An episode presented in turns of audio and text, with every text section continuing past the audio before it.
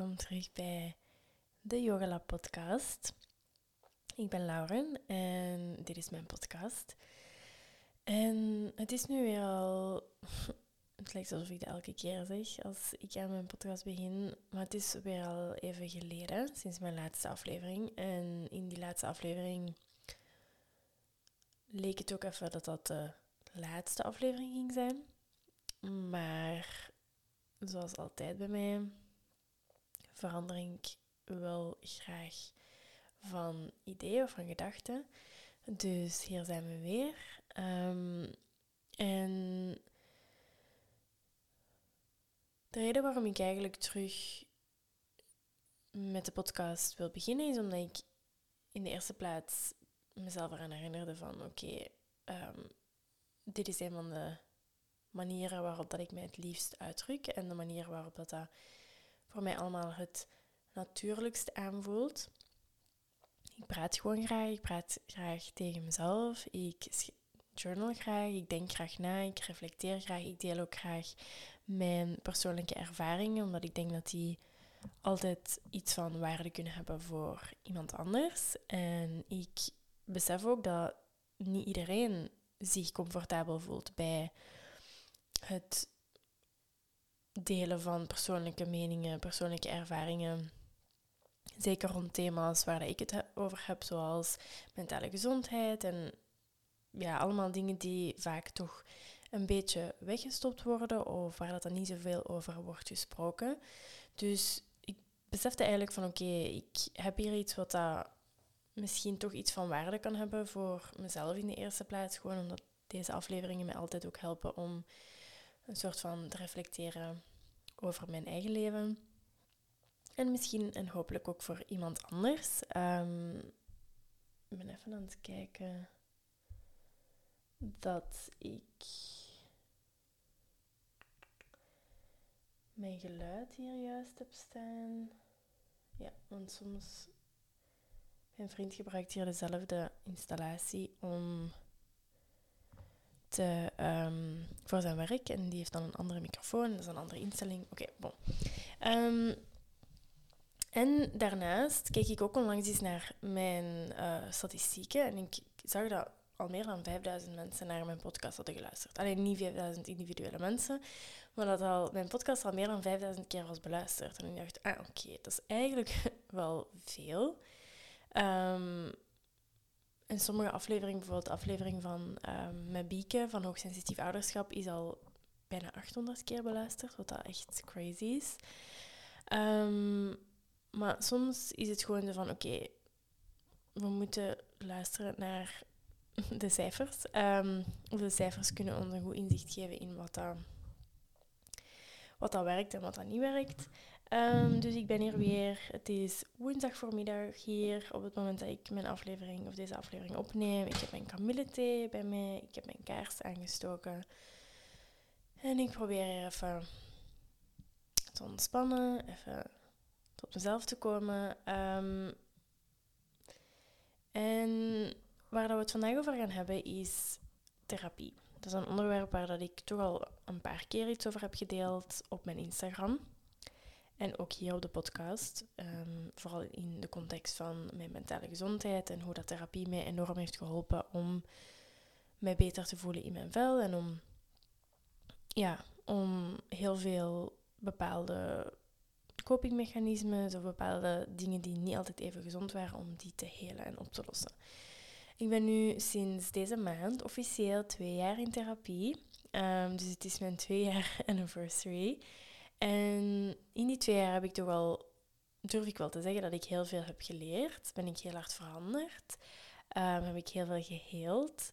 Um, en ik merk ook dat meer en meer mensen open zijn over therapie en in therapie gaan. En dat dat toch een onderwerp is waar dat we allemaal iets normaler over kunnen doen. Want ik weet nog in het begin was dat iets wat ik precies zo moest verzwijgen. Niet dat mensen daar niet over wouden praten of zo, maar ik voel van oké, dat is toch nog ergens een taboe onderwerp. Dan als, als je zegt van oké, ik ga in therapie of ik ga naar een psycholoog, dat is precies dat er iets grondig mis is met u. Um, dus dat is iets van oké, dat ga ik toch niet delen met de wereld. Maar de laatste maanden heb ik toch meer en meer met mensen over het onderwerp gesproken. Meer mensen die ook zeiden dat zij in therapie gingen of uh, aan mij advies hadden gegeven, of iemand hadden gevraagd aan mij om, om door te verwijzen. En dat maakt mij heel blij aan de ene kant van oké, mensen grijpen meer en meer naar bepaalde tools die echt kunnen helpen en niet gewoon tijdelijk helpen en dan op lange termijn het erger maken. En aan de andere kant toont dat ook wel hoeveel mensen er in onze samenleving vandaag zitten met bepaalde problemen die vaak heel individueel lijken, maar op een grote schaal voorkomen. Zoals depressieve gedachten, onzekerheid, um, eenzaamheid. Ja, gewoon allemaal problemen die niet zo belangrijk lijken en we vaak ook weg blijven duwen totdat het eigenlijk veel erger is geworden. Um, maar ik geloof er heel hard in dat, dat ook waar ik het vandaag over wil hebben, of dat gaat een soort van conclusie zijn vandaag, is dat ik geloof dat iedereen waarde kan halen uit de therapie. En ik geloof dat omdat ik ervan overtuigd ben dat, dat iedereen wel, niet, niet iedereen problemen heeft, maar dat iedereen wel iets heeft wat dat, die, wat dat zijn of haar leven kan beperken of eigenlijk kan voorkomen dat we de beste, gezondste, gelukkigste versie van onszelf zijn. En ik geloof erin dat we allemaal gemaakt zijn op deze aarde om de beste, gelukkigste, gezondste versie van onszelf te zijn. Dus eender welke manier of tool dat daarbij kan helpen, ben ik een grote voorstander van. Dus waarom doe, maak ik deze aflevering? Of waarom neem ik deze aflevering op? Om verder eigenlijk een soort van bewustzijn te creëren rond het belang van therapie. En anderzijds ook om alle dingen die ik al heb geleerd de voorbije twee jaren te delen. Want dat zijn toch wel dingen die niet... Ja, die... Dat zijn denk ik vaak dingen waar dat, we, dat ik niet de enige um, ben dat daarmee zit of mee zat. Uh, ook omdat ik in gesprekken met anderen al heb gehoord dat mensen met bepaalde problemen zitten waar dat ik vroeger ook mee zat en die nu opgelost zijn.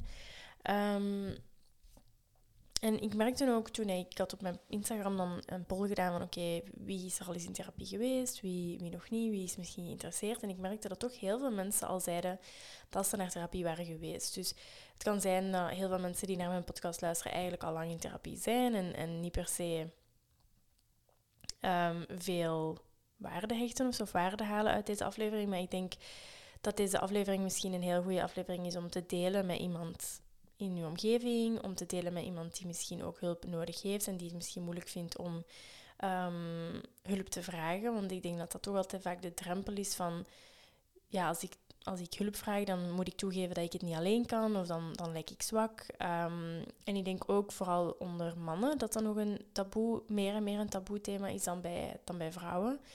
Um, dus ik zou zeggen, deel het met mensen die er misschien iets aan zouden kunnen hebben. Maak het gesprek onderling ook bespreekbaarder. Praat erover met mensen in je omgeving als je zelf al naar therapie gaat. En op die manier is het ook een onderwerp dat we meer en meer gaan normaliseren. Want als het allemaal altijd in de achterkamers blijft, um, ja, dan gaat er natuurlijk niets veranderen. Dus in deze aflevering wil ik graag delen waarom ik uh, met therapie ben begonnen twee jaar geleden. Mijn ervaring. Um, wat ik heb geleerd, voor wie, therapie, ik therapie aanraad en waarmee het kan helpen. En ook nog een paar tips over hoe, hoe je best met therapie kan beginnen en hoe dat je de juiste therapeut voor jou kan vinden. Um, dus we gaan er gewoon meteen aan beginnen. Ik heb deze aflevering een beetje voorbereid. Dat is heel, um, atypisch voor, voor mij. Maar uh, ik dacht dat het toch zou helpen om een soort van leidraad te hebben en een overzicht zodat het niet altijd te chaotisch is.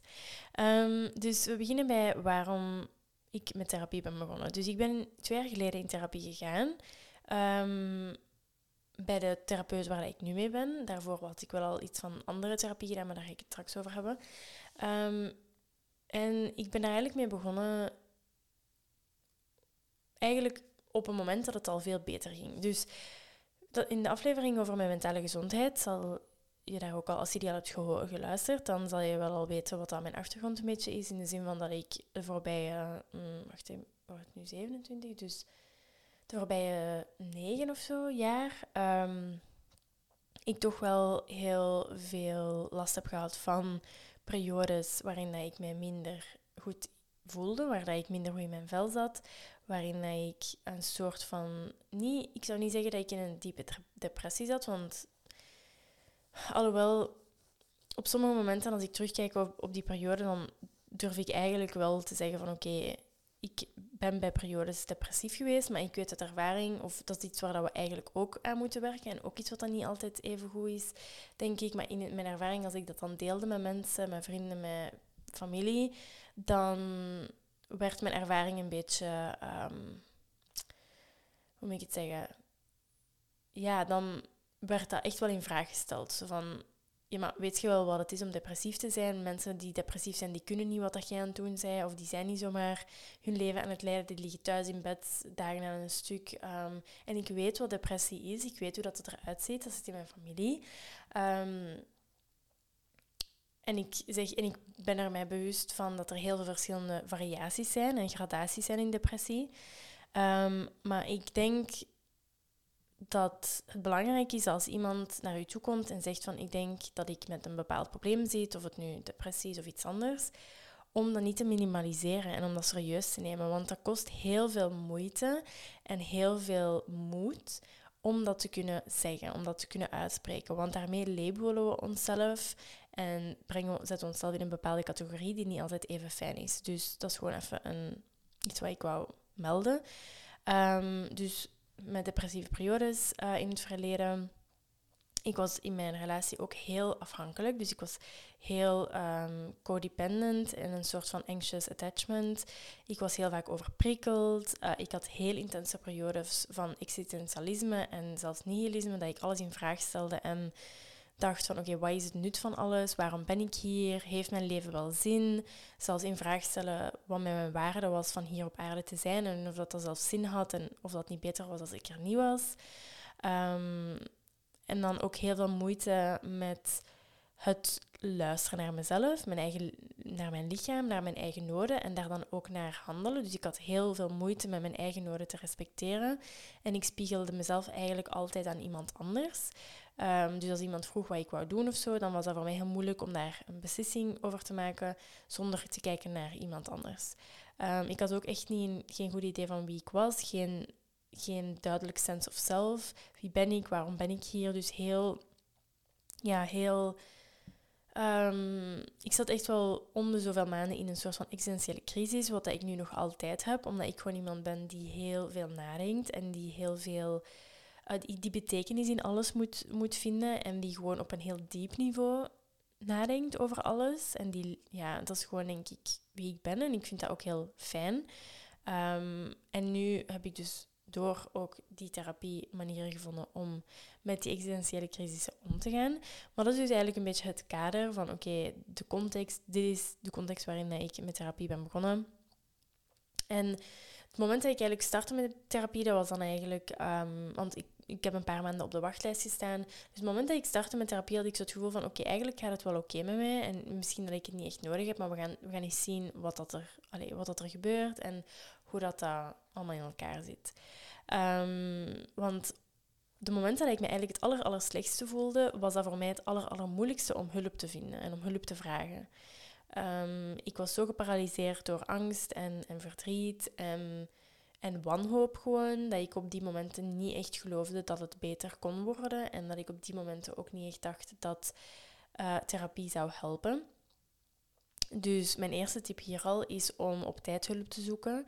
Want als we te lang ermee wachten, dan zitten we in zo'n diepe put dat we gewoon niet meer geloven dat iemand ons daaruit kan halen. Dus daarom dat ik ook heel blij ben dat ik begonnen ben op een punt dat het eigenlijk oké ging. Want dan stond ik ervoor open en dan denk ik dat ik ook iets meer uh, vatbaar was voor ja, de veranderingen die therapie um, met zich ging, gingen meebrengen. En nu wil ik graag ook, en eh, nu gaan we over naar mijn ervaring met therapie. En zoals ik al zei, ben ik voor ik bij deze therapeut ben begonnen, uh, ooit lang geleden, ik denk dat dat vijf jaar geleden of zo um, was, ben ik bij een soort van levens- of life coach-achtig iets geweest. Maar ik weet niet meer exact wat dat ze deed of wat dat de bedoeling was of zo. Want dat is allemaal heel vaak voor mij. Dat was in een periode dat ik het echt heel moeilijk had. Dus dat was, ja, ik weet niet, ik herinner me er niet veel van. Ehm, en daar ben ik dan begonnen. En dat was niet een therapie, dat was eerder zo, ja, dus praktische tips. En iemand die mij, ja, dat was ook met mindfulness en zo. En ik geloof heel hard in de kracht van mindfulness en yoga en al die, al die dingen. Maar uiteindelijk, als ik daar nu op terugkijk, was dat voor mij gewoon te praktisch en te um, rationeel. Terwijl ik ben iemand die heel gevoelsmatig is en heel... Um, ja, ik geloof ook heel hard in alles wat dan met spiritualiteit en geloof en, en al die dingen te maken heeft. Dus voor mij was dat gewoon niet de juiste persoon. Um, dat heeft toen op dat moment ook niet echt geholpen, denk ik. Dus dat toont voor mij al aan hoe belangrijk het is om eigenlijk bij de juiste therapeut en de juiste persoon terecht te komen. Dus dat was niet echt de beste ervaring voor mij. Maar dan, twee jaar geleden, ben ik dus bij mijn huidige therapeut terechtgekomen. Um, vooral het het is psychotherapeut. Um, ik weet niet wat het, exact wat het verschil is met psycholoog, therapeut, psychotherapeut. Um, maar dus dat is haar titel. En ik voelde me eigenlijk meteen op mijn gemak bij haar. Dus dat is iets belangrijk, denk ik, om, om, om toch in je achterhoofd te houden dat de juiste persoon gaat bijna altijd meteen juist aanvoelen. Want degene, de persoon waar ik nu ben, mee ben, is heel, um, ook heel gevoelsmatig, ook heel intuïtief. Um, is, werkt ook heel hard met het, het spirituele. En um, ja, niet per se dat dat is waar dat zij mee begint of zo. Want ik denk dat zij heel veel respect heeft voor iedereen zijn visie en zijn manier van leven. En ik denk gewoon omdat ze bij mij uiteindelijk zag dat ik daar heel hard voor open stond, dat dat iets is wat we dan ook uiteindelijk zijn heel lichtjes zijn beginnen incorporeren of verwerken. Um, maar dus na twee jaar kan ik nu kan ik nu eigenlijk zeggen dat die therapiesessies, in het begin ging ik ongeveer twee keer per, twee keer per maand, dus om de twee weken. Nu ga ik om de drie weken, om de vier weken zoiets. Um, en ik blijf ook echt wel gaan omdat ik het gevoel heb van dat is een soort van safe space geworden voor mij.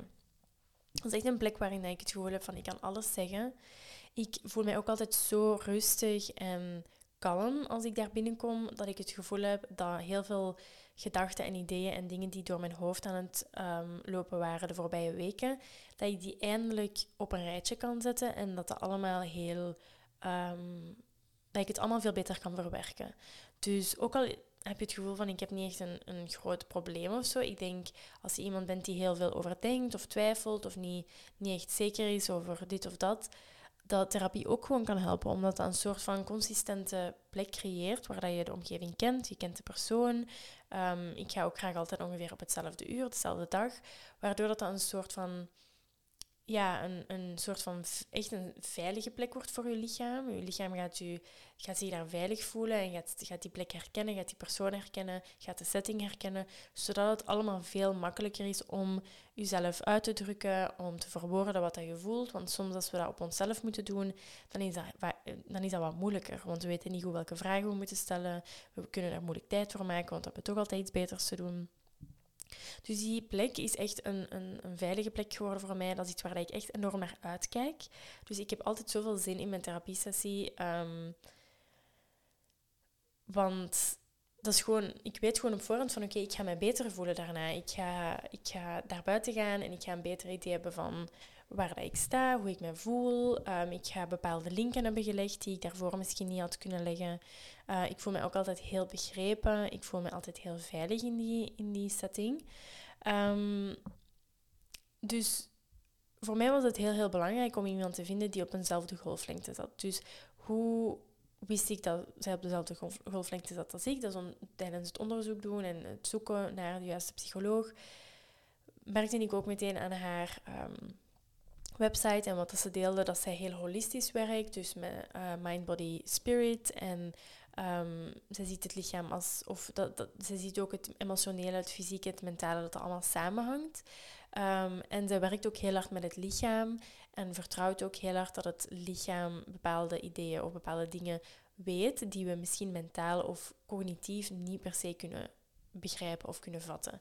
Dus um, ze is ook een heel zacht persoon, heel open, heel geduldig. Ehm, en ik heb ook het gevoel dat als ik daar aankom, als ik, als ik daar ben, maakt niet uit hoe ik me voel, wat ik breng, het is altijd helemaal oké.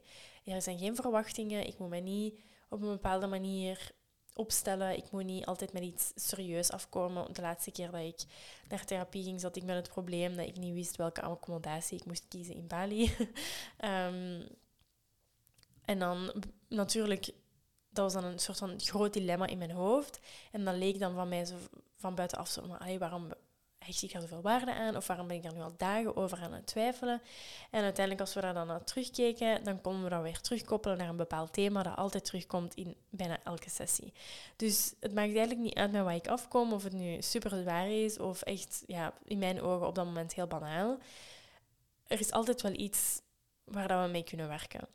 Um, ik kan ook altijd zelf heel goed aangeven van of ik mag altijd heel goed aangeven van oké, hier heb ik nu de energie voor of hier niet. Want dat is ook hetgene wat dan bij mij of bij mijn uh, psycholoog of therapeut het, geval is dat we vaak gaan voelen. Dus dan bijvoorbeeld kom ik met een bepaald thema of een bepaald probleem af, um, een bepaald iets wat dan misschien al uh, langer speelt. En dan nodigt ze mij vaak uit om te gaan voelen in mijn lichaam. Oké, waar voel ik dat? Hoe voelt dat? Wat komt er naar boven als ik mijn aandacht naar mijn lichaam breng? En in het begin was dat altijd heel, heel moeilijk voor mij. Ehm, omdat ik gewoon niet meer gewend was om naar mijn lichaam te gaan luisteren. Zelfs niet met al die jaren yoga-ervaring. Wist ik eigenlijk niet exact wat het betekende om naar mijn lichaam te gaan luisteren. Waardoor dat, dat soms ook gewoon heel veel energie van mij uh, vroeg. Dus in het begin was ik na een therapiesessie altijd heel vermoeid en moest ik echt daar dagen van bekomen. En dat is iets wat denk ik ook heel normaal is in het begin, als we pas beginnen met therapie. Dat het veel energie van ons vraagt, dat niet elke sessie even leuk gaat zijn. Dat we soms zoveel dingen naar boven halen dat we na die sessie gewoon ja, een beetje ontmoedigd zijn. Of dat het zwaar is om al die dingen te verwerken en om die dingen te beseffen. Want het is allemaal veel makkelijker om die dingen weg te duwen en te negeren. Maar hoe langer we het blijven doen en hoe langer we in therapie zijn, hoe makkelijker dat het ook altijd gaat worden. Want we hebben op den duur gewoon bepaalde copingmechanismes of tools gecreëerd om met die nieuwe informatie om te gaan en om die te verwerken. En dan is dat niet allemaal zo zwaar meer. Dus, dan, dus voor degenen die misschien pas begonnen zijn met therapie of degenen die schrik hebben dat het altijd heel negatief gaat zijn of heel zwaar gaat zijn, ik ben heel blij dat de therapeut waar ik bij ben, dat dat niet het geval is. Dat het niet altijd heel negatief moet zijn. Of dat we niet altijd op zoek moeten gaan naar de problemen. Maar dat er soms ook sessies zijn waarop dat we echt focussen op al het goede. Op alle vooruitgang die ik heb geboekt. Echt reflecteren op alle veranderingen die zijn gebeurd de voorbije maanden. En dat zijn ook de sessies die mij heel veel hoop geven. Want als er iemand van buitenaf die je eigenlijk op een heel andere manier kent dan eender wie in uw omgeving, als die kan zeggen van oké, dit is wat er, wat er veranderd is, ik zie dit echt in u, ik zie dat dit beter is geworden, we moeten even stilstaan bij al die veranderingen en, en, en daar echt even, um, ja, beseffen wat dat allemaal betekent en dat dat echt niet gemakkelijk is geweest. En dat, dat, dat je jezelf daar echt wel dankbaar voor mocht zijn, dat je al die tijd hebt genomen en die tijd daarin hebt geïnvesteerd, want het is echt niet vanzelfsprekend. Dus dat is ook heel belangrijk en dat is iets wat ik heel hard apprecieer bij mijn uh, therapeut, is dat we echt tijd nemen om ook over het positieve te praten en dat het niet altijd heel zwaar hoeft te zijn. Um, dus mijn ervaring is, om even samen te vatten, een heel positieve, anders zou ik deze aflevering ook niet maken. Um, ik heb vooral beseft dat het belangrijk is om de juiste therapeut te vinden, degene die op eenzelfde golflengte zit en die op dezelfde manier naar de wereld kijkt. Dus als jij iemand bent die heel praktisch is en die echt duidelijke stappen moet hebben om um, verandering door te voeren, dan moet je iemand zoeken die ook heel praktisch is ingesteld. En bijvoorbeeld bij mij, mijn therapeut of bij mijn sessies, het is niet dat ik ooit met praktische stappen naar huis ben gegaan. Of dat ik ooit huiswerk heb gekregen of dingen heb die ik moest doen. Um, wat dat het voor mij nog gekker maakt hoe hard ik ben veranderd in die twee jaar. Omdat ik in het begin dacht van oké, om iets te veranderen moet ik toch iets doen. Moet ik toch iets, moet ik, weet ik veel, bepaalde stappen zetten of moet ik bepaalde veranderingen doorvoeren. Maar heel ik dacht, ja, dan moest ik toch heel bewust dingen gaan doen. En eigenlijk is dat nooit het geval geweest bij, bij mijn therapeut. Ik heb nooit heeft nooit gezegd van doe dit eens, ga naar huis en doe dit, doe, dit. Um, ik denk dat bij mij al die veranderingen zijn gebeurd door gewoon te praten en door te voelen en door bepaalde dingen te shiften en te, te verwerken in die sessie zelf. Waardoor dat er ook geen grote druk lag buiten de sessies om dan nog eens keihard tijd daarin te investeren. Dus voor degenen die zeggen van oké, ik doe toch niet, ik doe toch niet zo van die stappen of huiswerk of, of dingen Ehm, als je dat weet van jezelf, ja, zoek dan ook iemand die dat niet van u verwacht. Want dat weet ik nog bij die vorige life coach. Dan moest ik thuis allemaal oefeningen doen en, en ik weet niet, dan moest ik zo'n boekje en zo'n schriftje invullen. En ik deed dat gewoon niet, want ik, ja, zo zit ik gewoon niet in elkaar. Ik, ik vind dat heel moeilijk om, om dingen gedaan te krijgen, om consistent te zijn. Ehm, dus daarom dat de persoon waar ik nu ben eigenlijk de perfecte persoon is voor mij. Um, maar wat ik wel, denk ik, belangrijk vind om mee te geven, is dat het in het begin altijd wel wat zwaarder kan zijn en dat het soms even um, ja, intens kan zijn, omdat bepaalde patronen worden besproken of naar boven worden gehaald die misschien al jarenlang aan de gang zijn en die je bewust negeert of bewust wegduwt, omdat het gewoon soms te veel is om het op jezelf, op je, om het alleen te verwerken. Maar daarom is de psycholoog, daarom, daar is, daarom is die therapeut er. Dat is letterlijk waar dat is voor opgeleid om je daarin te ondersteunen. Dus aanvaard ook die steun. En nu zou ik graag, heel, uh, graag willen delen wat dat ik allemaal heb geleerd in mijn twee jaar in therapie. Dus dit gaat allemaal iets persoonlijker zijn, want er gaan natuurlijk ook um, lessen zijn gebaseerd op bepaalde problemen of bepaalde patronen die er waren. Um, patronen die ik ondertussen heb kunnen doorbreken. Um, en het kan dus even goed zijn dat dat voor jou totaal niet resoneert, of dat er bepaalde dingen zijn waar je, je totaal niet in herkent. Um, wat dat helemaal normaal is natuurlijk, want niet iedereen zit met dezelfde issues of patronen. Dus het eerste wat ik heb geleerd en wat ik ook al heb um, meegedeeld, of waar ik het al over heb gehad, is dat ik opnieuw heb leren luisteren naar mijn lichaam. En echt luisteren. Dus niet doen alsof, maar dus echt luisteren en te gaan durven voelen. Dus zoals ik al zei in het begin, wanneer ik in een sessie moest gaan voelen van oké, hoe voelt dit in je lichaam? Waar voel je dit? Um, wat komt er naar boven? Dan herinner ik mij dat ik, nog, dat ik altijd helemaal blokkeerde. Dus ik wist niet hoe wat ik moest doen. Ik ging meteen in mijn hoofd. Ik begon van alles te denken van, huh, wat moet ik doen? Ik weet niet, doe ik dit juist? Um, wat gebeurt er? Um, dit is zo frustrerend, ik snap het niet, ik kan dit niet.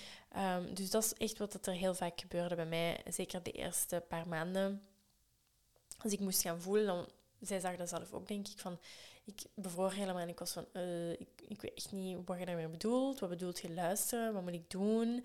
Um, omdat ik gewoon zo gewend was altijd om in mijn hoofd te leven. En nu, als ze mij vraagt van, oké, nu moet ze denk ik...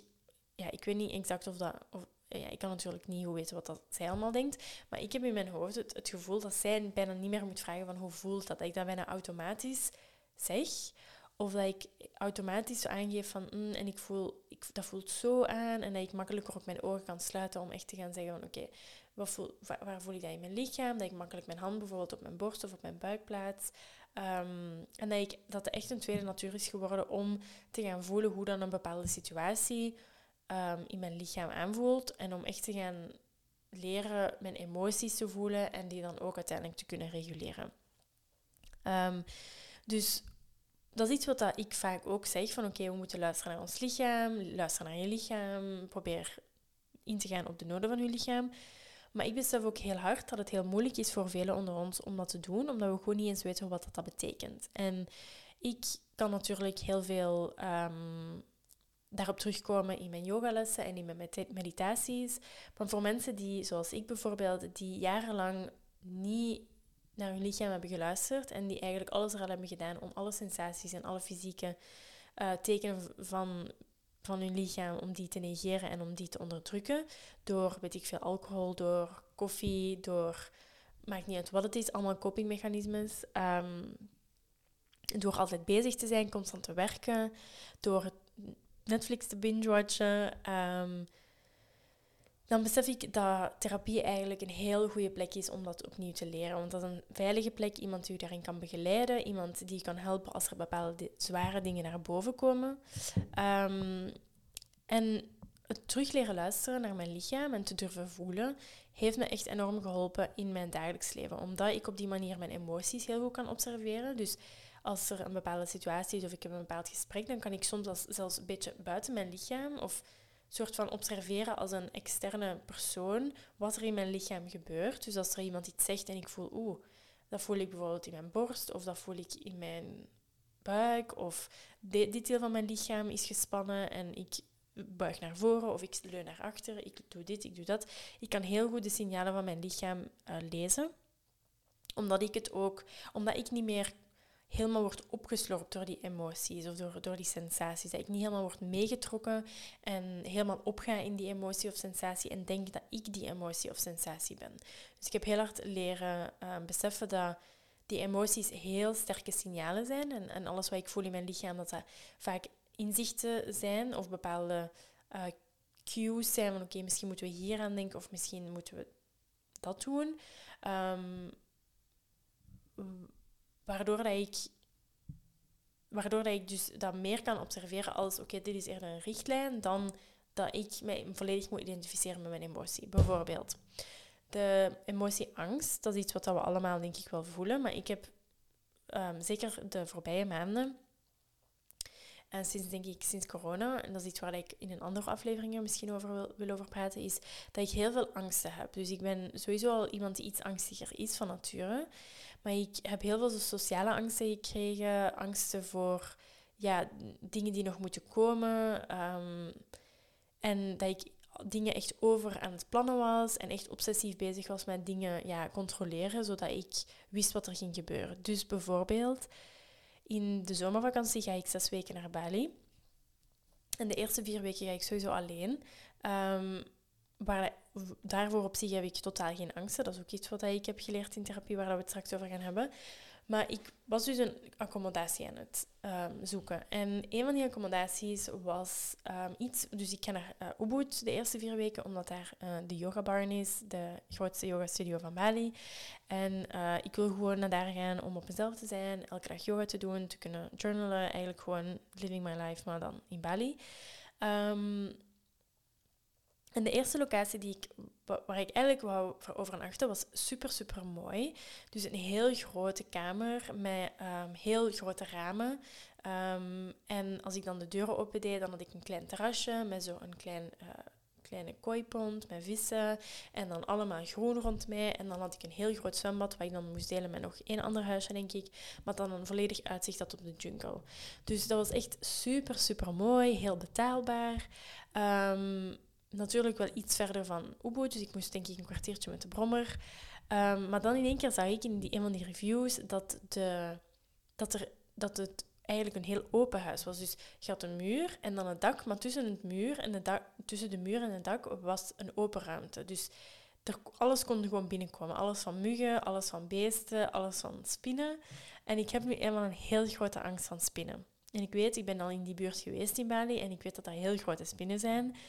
Dus ik was dan de hele tijd van, ja, ga ik dan nu die perfecte locatie niet nemen omdat ik schrik heb voor spinnen? Wil ik nu echt mijn angsten mij laten tegenhouden om in die prachtige accommodatie te zitten waar ik helemaal tot rust kan komen en heel mooie yoga-video's en zo kan opnemen. En ja, dus ik was al heel gefrustreerd in mezelf dat ik daarom, daarover twijfelde. En dan was er een andere locatie die veel kleiner was, die, um, die veel minder, ja, ik had er veel minder privéruimte of zo, want er waren veel meer andere huisjes. En was ja, dus, maar helemaal gesloten. Dus het hele, de hele kamer was afgesloten. En um, dan was ik zo, dan ik naar therapie gegaan en dacht ik van oké, dit is het probleem waar ik nu letterlijk al twee weken mee zit. Van oké, welke locatie moet ik nemen?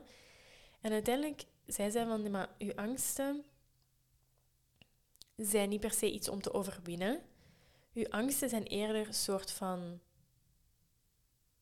dingen die je inzicht kunnen geven. Dus als jij weet van ik ben, ik ben heel, angst, heel angstig en heel bang van spinnen, waarom zou je jezelf dan forceren om in een locatie te zitten waar dat je eigenlijk helemaal niet veilig gaat voelen en constant op je hoede gaat zijn dat er misschien een spin in de kamer zit, waardoor dat je eigenlijk helemaal niet gaat kunnen genieten van de prachtige locatie waar dat je dan zit. Dus dat was voor mij even zo'n inzicht van oké, die angst, dus die emotieangst, die is er niet per se om te overwinnen of om aan de kant te duwen en om te negeren.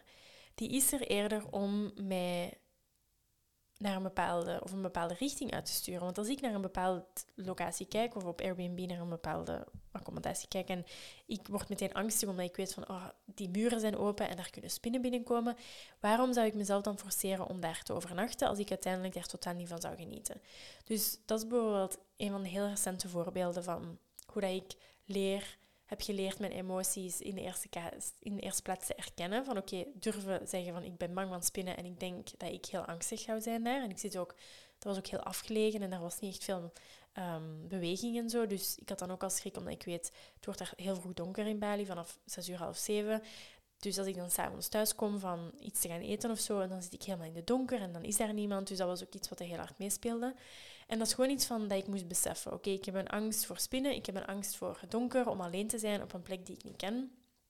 In plaats van mezelf te forceren om dat te negeren, ga je daar naar luisteren en ga ik iets zoeken waar dat ik, dat ik even mooi vind of dat ik ook helemaal uh, enthousiast over ben om, te, om te, in te overnachten en waar ik me wel veilig ga voelen. Um, dus dat was even een korte afwijking. Maar wel iets waar dat ik, denk ik, twee jaar geleden... Ja, twee jaar geleden zou ik sowieso al nooit alleen naar... Allee, wel, ik ben alleen naar Bali gegaan voor mijn yogaopleiding, maar dat was nog iets anders, want dat was binnen een bepaalde groep.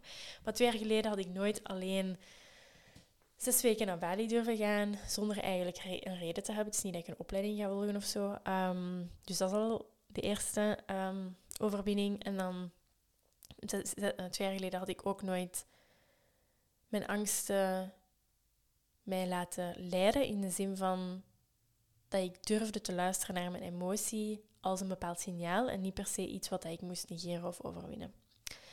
Ehm,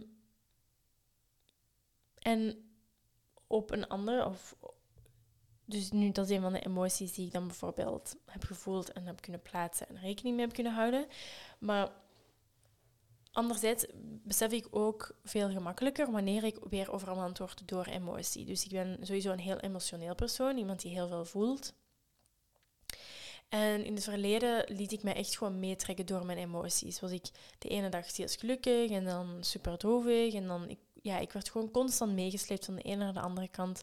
Of het nu door een schattige foto op Instagram was, of een droevige video, of een aflevering van een of andere serie waar ik naar keek, of iemand die iets zei.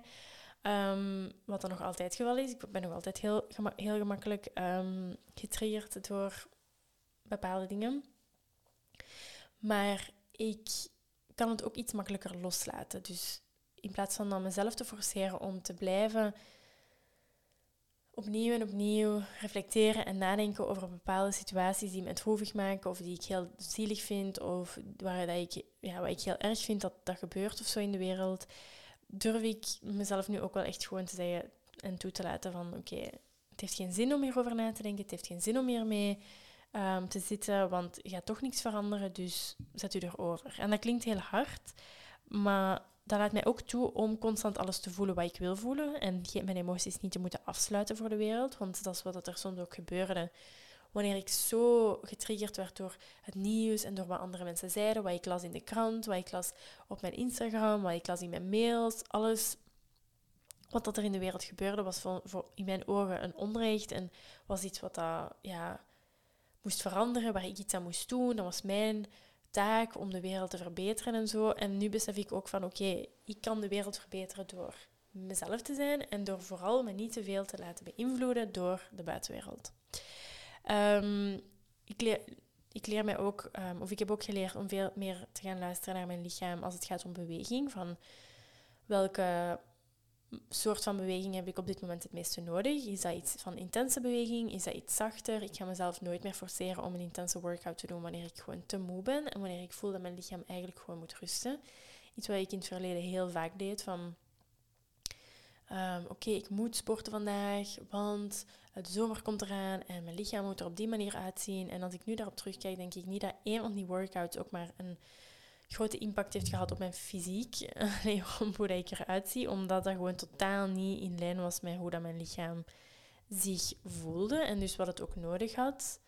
Ehm, en hetzelfde ook met voeding. Dus um, ik eet ook gewoon waar ik zin in heb. Ik eet waar ik, ik honger, wanneer ik honger heb. Ik eet niet wanneer ik geen honger heb. En soms eet ik nog wel altijd door emotionele um, redenen. Het is niet dat ik alleen maar eet wanneer ik honger heb. Er zijn wel altijd momenten dat ik, weet veel, mij minder goed voel of zo. En dat ik dan ga eten om mij beter te voelen. Maar dat is veel minder dan vroeger. Um, ik, laat, ik ga ook altijd slapen wanneer ik moe ben.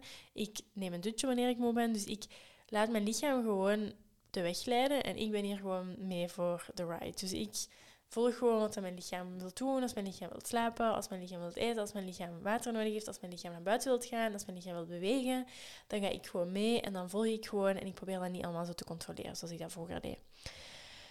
Um, en dan nog een, gaan we naar de volgende les. En dat is een heel, heel belangrijke en een, een, les of iets wat mijn leven eigenlijk echt heel hard heeft veranderd. En dat is dat ik mijn codependency en anxious attachment heb geheeld. Dus in mijn relatie was ik altijd heel, heel afhankelijk. Dus ik wil nooit echt alleen zijn. Um, ik was altijd afhankelijk van de aanwezigheid van iemand anders. Als mijn vriend zei van ik ga vanavond uit of ik ga iets doen, maakt niet uit wat het was was ik altijd helemaal in paniek. En dan was ik, maakte ik me zoveel zorgen. En dan was ik echt in een staat van pure stress en paniek. En wist ik niet wat ik moest doen om me beter te voelen. Ik kon gewoon niet, ik kon niet mijn eigen ding doen. Ik was de hele tijd met mijn hoofd bij hem en wat dat hij aan het doen was. Um, wat dat dus niet echt bevorderlijk is voor eender welke relatie. Um, en ik op, het kwam zelfs op een punt waarop dat ik zo'n intense paniekaanvallen had. Elke keer als mijn vriend zei dat hij iets ging doen, of als hij iets afzegde, of zei dat hij toch niet kon komen. Um, ja, dus als ik daar nu op terugkijk, dat, dat was echt niet leuk. Voor geen van ons beiden. Um, en hetzelfde patroon was eigenlijk ook vaak, um, of kwam vaak terug in mijn vriendschappen. Dat ik het gevoel had dat ik constant in contact moest zijn met mijn vriendinnen. Dat ik, het, dat ik had altijd heel veel moeite om afscheid te nemen. Ik was altijd heel angstig wanneer dat ik te weinig tijd spendeerde met mijn vriendinnen. Um, ik had ook altijd het gevoel dat ik er altijd bij moest zijn en dat ik niks mocht missen. Um, ook al was, wou ik eigenlijk niet echt mee of was ik te moe. En nu Um, ben ik misschien een beetje naar het andere extreme gegaan. Maar doe ik eigenlijk niks liever dan alleen zijn. Um, soms een beetje, ja, zoals ik zei, tot het extreme. Um, dat dat misschien nu even een periode is dat het een soort van tegenreactie is uh, tegen al die jaren waarop dat ik, of waarin ik zo afhankelijk was van andere mensen om mij rustig te voelen en, en gelukkig te voelen. En dat ik nu echt zo zeker ben in mezelf en ja, gewoon letterlijk uh, zes weken alleen naar Bali kan gaan en daar totaal geen probleem mee te hebben. Um, ik heb niemand nodig om me te entertainen. Ik kan mezelf, allee, dat, dat, klinkt raar, maar ik kan mezelf gewoon dagen aan een stuk entertainen. Ik heb genoeg hobby's, ik heb genoeg interesses. Ik spendeer zoveel, zo graag tijd met mezelf. Um, en ik zie mezelf ook eigenlijk als mijn eigen beste vriendin. um, maar dat zorgt ervoor dat, dat ja, dat er dat die jaloezie en die afhankelijkheid van mijn ehm, vriend, dat die gewoon helemaal, of voor het grootste deel verdwenen is. Er is nog altijd wel een soort van gezonde afhankelijkheid, denk ik. Ehm, maar dat zorgt er ook voor dat ik in de eerste plaats altijd kan gaan luisteren naar mijn eigen noden en naar wat dat ik nodig heb. Want dat is wat ik zei ook van waarom ik, een van de redenen waarom ik in therapie was gegaan, is omdat ik gewoon niet in staat was om mijn eigen noden te identificeren en om daar naar te luisteren. En nu, altijd als, als ik iets wil doen of als mensen iets vragen om om te gaan doen. Het eerste wat ik doe is gaan voelen, heb ik er zin in? Is dit wat ik wil doen op dit moment? In plaats van heel blindelings gewoon altijd ja te zeggen op alles en constant um, bezig te zijn en met mensen dingen te gaan doen, terwijl ik op het einde van de week dan misschien gewoon uitgeput was omdat ik totaal niet had geluisterd naar hoeveel energie ik eigenlijk had. Um, iets wat ik er wel mee wil meegeven, is dat voor de andere persoon in de relatie dit niet altijd even makkelijk is. Want als je in een relatie bent met iemand die gewend is van u heel afhankelijk te zien, of gewend is dat, die, dat jij eigenlijk altijd heel afhankelijk bent van hem of haar om dingen te doen en om voor, voor u te zorgen, dan is dat een soort van dynamiek die ook telkens versterkt wordt. En wanneer dat die dynamiek dan wegvalt, dus wanneer dat je die persoon niet meer nodig hebt om voor u te zorgen of, of om, u, ja, om bij u te zijn, zodat je kunt doen wat je wilt doen, dan kan dat heel beangstigend aanvoelen voor die andere persoon omdat dat lijkt alsof dat, die, of dat je die persoon niet meer nodig hebt. Dus ik denk dat het altijd heel belangrijk is in zo'n situaties en in eender welk, bij eender welk patroon dat we helen wat dat te maken heeft met andere mensen, om duidelijk te communiceren met die andere persoon. Om te zeggen van oké, dit is denk ik beter voor ons beiden. Dit, is, um, dit gaat ervoor zorgen dat we allebei ons ding, ding kunnen doen en dat we niet te veel moeten um, kijken naar wat dat de andere denkt of, of wilt. Um, dat we ons allebei heel vrij voelen om te doen wat dat we willen doen. en ons totaal niet beperkt voelen door de andere persoon. dus ik denk dat het ook belangrijk is om daar een soort van respect te hebben voor elkaar. om toch de tijd te nemen om daarover te communiceren. En een volgende les die daar eigenlijk mee te maken heeft, is dat ik heel hard heb leren alleen zijn en tijd met mezelf doorbrengen. En dus eigenlijk mijn eigen beste vriendin ben geworden. Door geleidelijk eigenlijk nog meer en meer tijd alleen door te brengen, ben ik mezelf ook veel meer gaan appreciëren. Um, bijvoorbeeld, ik ga heel vaak alleen koffie drinken. Um, bijvoorbeeld, vorige week nog ben ik een heel voormiddag in, de koffie, in een koffiebar gaan zitten met mijn uh, boek. En um, heb ik gewoon een hele voormiddag gelezen. En was ik totaal niet bezig met wat dat ik dacht dat andere mensen van mij zouden denken. Of dat dat raar is dat ik alleen was. Uh, iets wat ik vroeger constant dacht van... Het maakte niet uit in welke sociale setting ik was. Ik was altijd aan het denken van hoe zien die andere mensen mij? Wat denken die van mij? Terwijl dat in de meeste gevallen mensen heel weinig over u denken, want die zijn in hun eigen wereld. Maar ik ga ook graag samen uh, alleen eten of winkelen of wandelen. Um, zoals ik al zei, nu ga ik alleen naar Bali. En um, ja, en ik vind het echt geweldig. Um, doordat ik ook meer tijd alleen kon doorbrengen en dat ik, dat, dat ik me daar comfortabeler bij voelde, ben ik ook veel meer heb ik ook veel meer geleerd over mezelf. Dus ik ben echt gefascineerd door mijn eigen innerlijke wereld. Ehm, en door, wat, door mijn eigen gedachten en wat ik allemaal denk en droom. En ja, er is niks waar ik me liever mee bezighoud dan dat te analyseren en daarover te reflecteren. Um, dus ik journal heel graag. Ik voel me heel comfortabel om uh, heel lang te mediteren. Um, en ik heb ook dus, zoals ik al zei, ik heb niemand nodig om de dingen te doen die ik wil doen. Dus ik wist al heel lang dat ik terug naar Bali wou gaan en ik wou gewoon yogalessen gaan volgen. En als er niemand is die die exacte droom heeft of die exacte periode weg kan gaan, in plaats van dan dat niet te doen en te wachten totdat er een moment komt dat iemand wel met mij mee kan gaan, ben ik nu gewoon zoiets van, ja, maar dan ga ik gewoon alleen. Allee, dan moet ik met niemand rekening houden. Dan kan ik gewoon mijn ding doen. Als ik dan vier yogalessen op een dag wil volgen, ja, dan maakt dat niet uit, want ik moet met niemand rekening houden. um, dus dat is waar ik nu op dit moment sta. En dat is heel anders dan een paar jaar geleden. Ik weet nog toen ik de eerste keer naar Bali ging. In 2019, denk ik, dus een jaar geleden. Voor mijn opleiding. Dan was dat sowieso al heel angstig voor mij. Van oké, ik ga alleen. Dat voelde wel heel juist op dat moment. Maar ik weet nog, toen ik vertrok... Ehm, was ik met de, dag voor dat ik vertrok of zo, was ik echt in een soort van paniek en ik wist niet wat ik moest doen en ik wou het zelfs aflassen, want ik, durfde echt... Allee, ik was zo angstig voor alles wat er ging komen. En misschien dat dat nu ook zo zal zijn de dag voordat ik vertrek, dat kan altijd. Ik weet niet hoe dat, dat, uh, dat allemaal gaat um, verlopen. Maar ik voel me alleszins heel kalm over de beslissing. En daar had ik dan, voor, ja, of die vorige keer dat ik naar Bali ging, was dat in een bepaalde setting, namelijk mijn opleiding. En uh, was dat allemaal met mensen. Allee, was een vaste groep, dus ik wist sowieso, ik ga mensen leren kennen. En toen ik daar was, was ik eigenlijk ook constant bezig van, oké, hoor ik er wel bij? Vinden mensen mij wel leuk? Begrijpen mensen mij wel? Had ik ook vaak heimwee? Um, had ik ja, gewoon heel veel angst om er niet bij te horen. En dat is gewoon vanuit dat, die afhankelijkheid die ik altijd had van iedereen rondom mij. Um, Dus ik heb ook nu niet echt een bepaalde verwachting van mensen te leren kennen of zo, of vrienden te maken dat ik daar ben. Het kan even goed zijn dat ik daar met leuke mensen leer kennen en dat ik vrienden maak. Het is niet dat ik me daar niet voor openstel, maar ik vind het ook helemaal niet erg als ik daar een maand alleen zou zijn en als ik ja, met weinig mensen zou leren kennen. Dus het is niet dat ik afhankelijk ben van het ontmoeten van mensen om te kunnen doen wat ik wil doen. Um, dan volgende les is dat ik heel veel meer vertrouwen heb gekregen in mezelf en dat ik mijn eigen, mijn eigen mening het meeste waardeer. Dus vroeger um, vond ik het heel moeilijk om beslissingen voor mezelf te maken en om te weten wat dat juist was voor mezelf. En liet ik me vaak ook leiden door wat de andere mensen zeiden dat ik moest doen.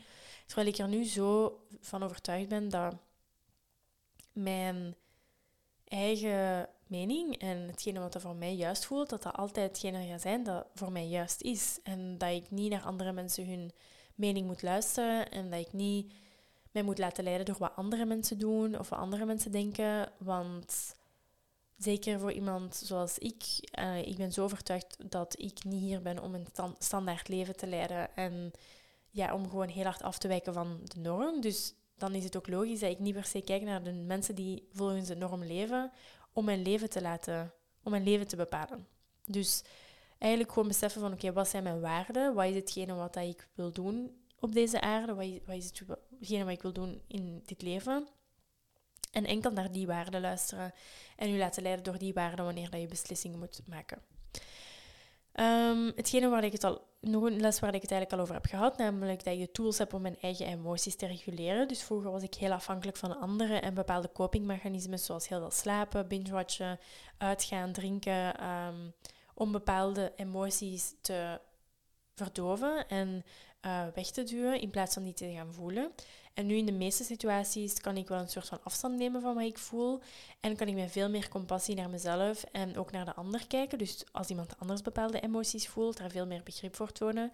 En gaat mijn e- ego een veel minder grote rol spelen. Dus ik stel vaak me, mezelf de vraag van waarom voel ik me zo? Welke emotie of wat ligt hieronder? In plaats van passief-agressief te zijn naar anderen. Bijvoorbeeld in de hoop dat ze mij gaan reguleren. Bijvoorbeeld wat dat vroeger vaak gebeurde is als ik iets wou doen of als ik iets zei en ik had een bepaalde verwachting van andere mensen om op een bepaalde manier te reageren en die deden dat niet, dan kon ik heel passief uh, agressief reageren. Dat zal nu nog altijd af en toe wel eens gebeuren.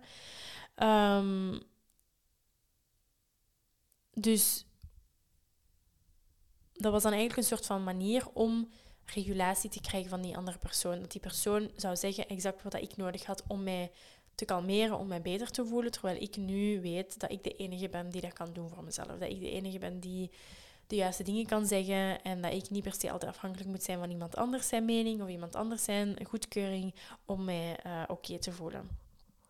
Dit heeft ook zoveel te maken met je zenuwstelsel.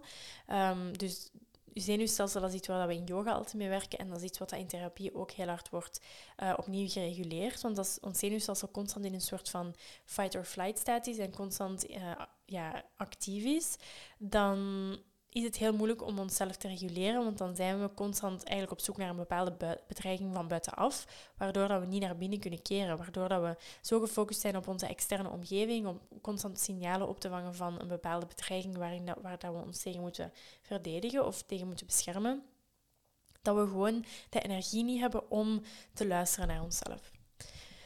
Um, een volgende les is um, rond hoeveel of rond het inzicht dat ik heb verworven in wat dat mijn unieke bijdrage is in deze wereld. En dus als gevolg is mijn eigen waarde zoveel beter. Um, ik denk dat ik vroeger zo vaak in twijfel was over waarom ik hier was en dat heel veel van mijn periodes of mijn depressieve periodes het gevolg waren van het in vraag stellen van letterlijk alles.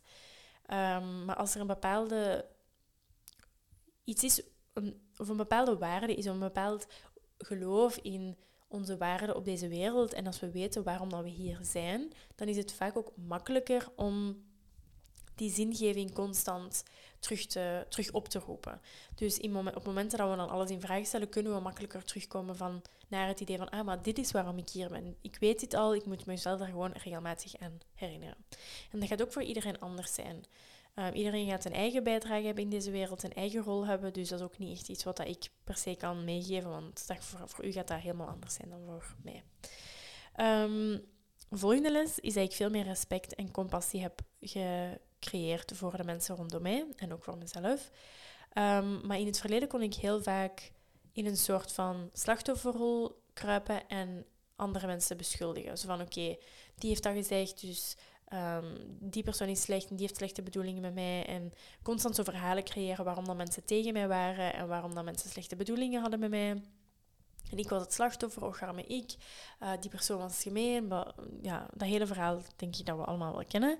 En nu zie ik meestal in dat de meeste mensen wel echt de beste bedoelingen hebben en dat zij hun best doen vanuit hun eigen trauma's en vanuit hun eigen projecties uh, van hun trauma's en hun angsten op mij.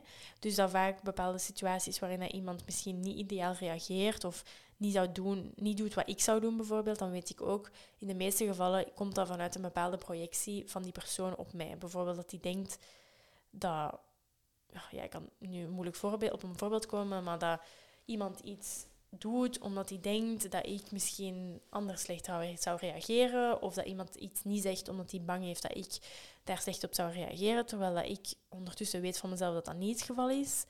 Uh, of meestal niet het geval is. Maar dat is gewoon die de projectie van die persoon op mij, van hun angsten voor wat er zou kunnen gebeuren. Een volgende les is dat er geen objectieve waarheid is, enkel ervaring en ons uniek perspectief. Dus vroeger geloofde ik heel hard dat mijn manier van naar de wereld kijken, dat dat de juiste manier was. En ik kon me ook niet inbeelden hoe het was om op een andere manier naar de wereld te kijken. En nu besef ik heel hard dat iedereen zijn eigen ervaring heeft, iedereen heeft zijn eigen leven en zijn eigen ehm, geschiedenis en zijn eigen trauma's en eigen ja, opvoeding, waardoor dat iedereen op een heel andere manier naar de wereld kijkt, waardoor dat voor iedereen ook bepaalde dingen belangrijk zijn en andere dingen minder belangrijk zijn. Zoals voor mij, ik hecht heel veel waarde aan gelijkheid en ehm, eh, ja, ik ben ook bezig met het klimaat en, uh, duurzaam uh, leven. En ik denk ook na over wat ik eet, in de zin van dat ik geen vlees eet. En um, ik denk na over plastiek en waterverspilling en al die dingen. En ik hecht heel veel waarde aan mijn interne wereld en aan spiritualiteit. En ik weet gewoon dat voor sommige mensen dat totaal niet relevant is, omdat dat niet is wat dat, waarom dat zij hier zijn op deze aarde. Dat dat totaal geen rol speelt in hun verhaal hier op, op, op, uh, op de wereld. Dus een soort van respect hebben dat andere mensen hun eigen ervaring hebben en dat er geen objectieve waarheid is. Want vroeger bijvoorbeeld toen ik pas vegan was, um, ondertussen ben ik vegetarisch, maar vroeger was ik vegan, was ik heel hard daarin. Dat ik niet kon snappen dat mensen vlees aten en dat ik mensen heel hard oordeelde en dat ik ja, vaak ook boos werd op de wereld van waarom ziet niemand het probleem en waarom stopt niemand met vlees eten. En daar zit nog altijd een heel grote waarheid in, maar ik denk dat we nooit verder raken en dat we nooit bereiken wat we willen bereiken door ons zo hard vast te houden aan ons eigen perspectief en eigenlijk nul moeite doen om andere mensen hun verhaal te horen. Um, daarom dat bijvoorbeeld, vroeger was ik ook een heel, had ik een heel duidelijk politiek standpunt en nu ben ik daar ook veel meer flexibel in, omdat ik weet dat er geen één waarheid is, want anders dan zouden er niet zoveel politieke partijen zijn, want iedereen heeft zijn eigen ervaring. En dat, er, dat de mensen die op bepaalde partijen stemmen, waar dat ik misschien niet voor zou stemmen, dat daar een reden voor is en dat het beter is om daar naar te luisteren en om hun, naar die mensen, ja, om te horen wat dat hun mening is en hun problemen zijn, want anders dan gaan we toch verder en verder in een bepaalde verdeling en geïsoleerde samenleving um, verdwijnen. En dan een soort van laatste les is dat ik heb geleerd dat alles verbonden is en dat het zo waardevol is om iemand te hebben die dat allemaal kan weerspiegelen. Want hoe vaak dat ik met een bepaalde praktische situatie afkom, zoals bijvoorbeeld die accommodatie in Bali. En die zij dan bijvoorbeeld meteen kan linken aan een vorige sessie of een overkoepelend thema dat al veel langer speelt. En dat geeft me vaak het gevoel dat ik tenminste niet gek ben. en vooral ook dat bepaalde thema's blijven terugkeren in andere vormen tot het geheeld wordt. Um, dus bijvoorbeeld als we het dan hebben over die situatie met de accommodatie, um, kwam dat terug op het thema van veiligheid versus vrijheid. En dat ik heel hard geloof dat als ik voor de veiligheid kies, kies, dat ik geen vrijheid heb. En als ik voor de vrijheid kies, dat ik geen veiligheid mag hebben. Dus dat is een soort van thema dat constant terugkeert in onze sessies. En dat was dan ook weer super duidelijk van, oké, ja, dit is echt gewoon weer een manifestatie van, diezelfde, van datzelfde dilemma. En dan, is het, dan helpt zij mij ook om in te zien dat het geen twee aparte dingen zijn, maar dat, dat, dat ik dat allebei kan hebben. Dat ik zowel veilig kan zijn als vrij. Ehm, dus zo van die inzichten in de zin van dat, ehm, dat we altijd denken dat onze problemen zo apart zijn en dat we niet goed begrijpen waarom dat we daar zoveel waarde aan hechten of waarom dat, dat nu zo lang speelt. En dan helpt het echt wel om iemand te hebben die aan ons kan weerspiegelen van oké, dit is nu al de zoveelste keer dat we hiermee um, afkomen en dat we hierop terugkomen. Misschien moeten we even een andere benadering hebben, moeten we er dieper op ingaan, moeten we eens gaan zien hoe dat dit voelt, waar dat, vandaan komt um, en dat allemaal verder gaan verkennen. Dus dat waren een paar van de belangrijke lessen die ik heb geleerd in therapie. Er zijn er nog zoveel meer, maar dat zijn degenen die het eerst in mij opkwamen toen ik mijn aflevering of deze aflevering aan het voorbereiden was. En degene die ook de grootste impact hebben gehad op mij of de grootste verandering hebben um, gecreëerd. En dan wil ik nog even het hebben over mijn um, specifieke tips voor degenen die misschien met therapie willen beginnen of die nu niet zo heel tevreden zijn met hun therapeut en die misschien een andere willen zoeken.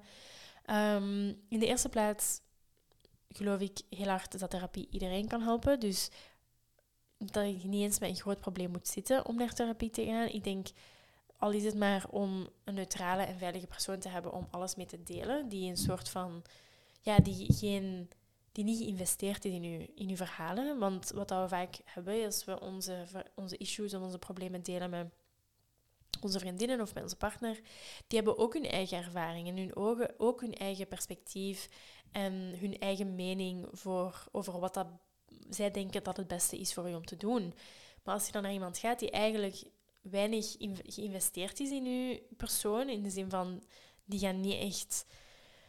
Um, of die hebben niet echt een bepaalde overtuiging voor, van wat dat misschien het beste is voor u om te doen. Natuurlijk hebben zij ook hun eigen ervaringen en ook hun eigen perspectief, maar ze zijn ergens opgeleid om dat allemaal op de beste manier te gaan gebruiken. Dus daarom dat ik denk dat het zo waardevol is om iemand te hebben die eigenlijk niet veel te maken heeft met je leven en die zeker niet gekwetst kan worden door bepaalde verhalen um, of bepaalde situaties.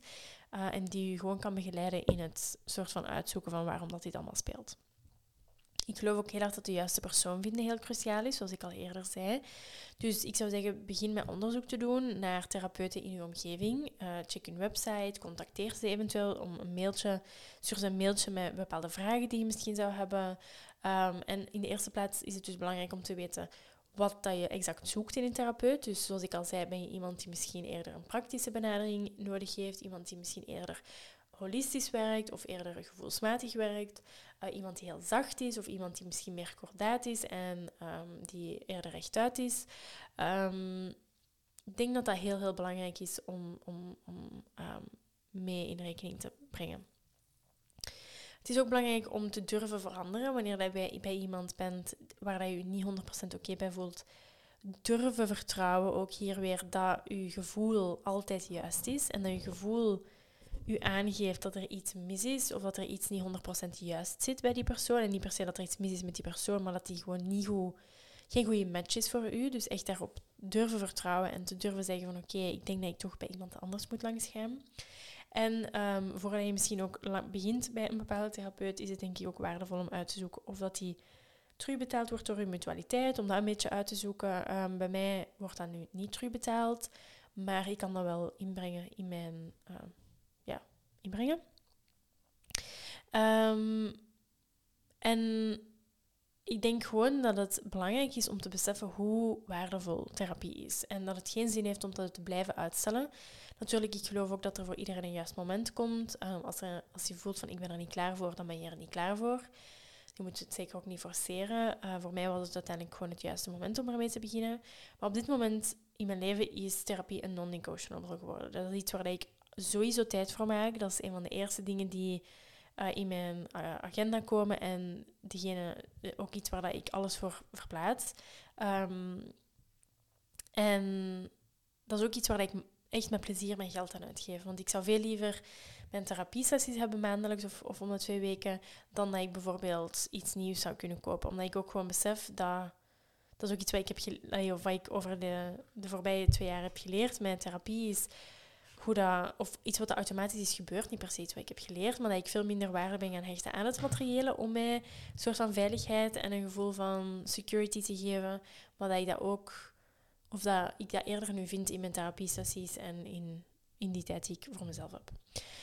En dan nog een paar closing thoughts of een bepaalde enkele bedenkingen die ik toch nog wil meegeven is een heel belangrijke les is dat we niet onze trauma's zijn, dat we niet onze negatieve gedachten zijn, dat we niet onze copingmechanismes zijn. Want we zijn zo, we hebben zo de neiging en, en zijn zo getraind om ons slecht te voelen over alles. Over, um, om, om al onze trauma's en onze copingmechanismes te labelen als slecht. En om daar slecht over te voelen, om daar schuldig over te voelen, te denken dat we een slechte persoon zijn omdat we iets hebben gezegd, of dat we iets voelen, of dat we iets denken. Ehm, maar daar geloof ik niet echt in. Ik geloof niet dat, dat de manier waarop dat wij omgaan met bepaalde situaties of emoties, dat dat iets iedereen slecht is. Dat is gewoon iets wat dat we jarenlang hebben moeten doen om, ons, om te overleven. Um, om ons veilig te voelen en om, ons, uh, om onszelf te kunnen reguleren. Dus dat heeft echt wel een nut gehad. Uh, het kan gewoon zijn dat op dit moment die copingmechanismes niet veel waarde meer hebben, omdat de dreiging of de moeilijke situatie die er op dat moment was, gewoon niet meer speelt. En wat ik ook in het begin zei, is dat ik er 100% van overtuigd ben dat iedereen hier op aarde is om een mooi, fulfilling, succesvol en gelukkig mens te zijn. En ik ben er 100% van overtuigd dat therapie in eender welke vorm ons daarbij kan helpen. Met de juiste ondersteuning kunnen we ons, leven, ons het leven zoveel gemakkelijker en aangenamer maken. Want ik denk dat we soms allemaal zo vastzitten in moeilijke situaties en ja, in, in, in negatieve gedachten en bepaalde patronen die ons echt gewoon niet helpen.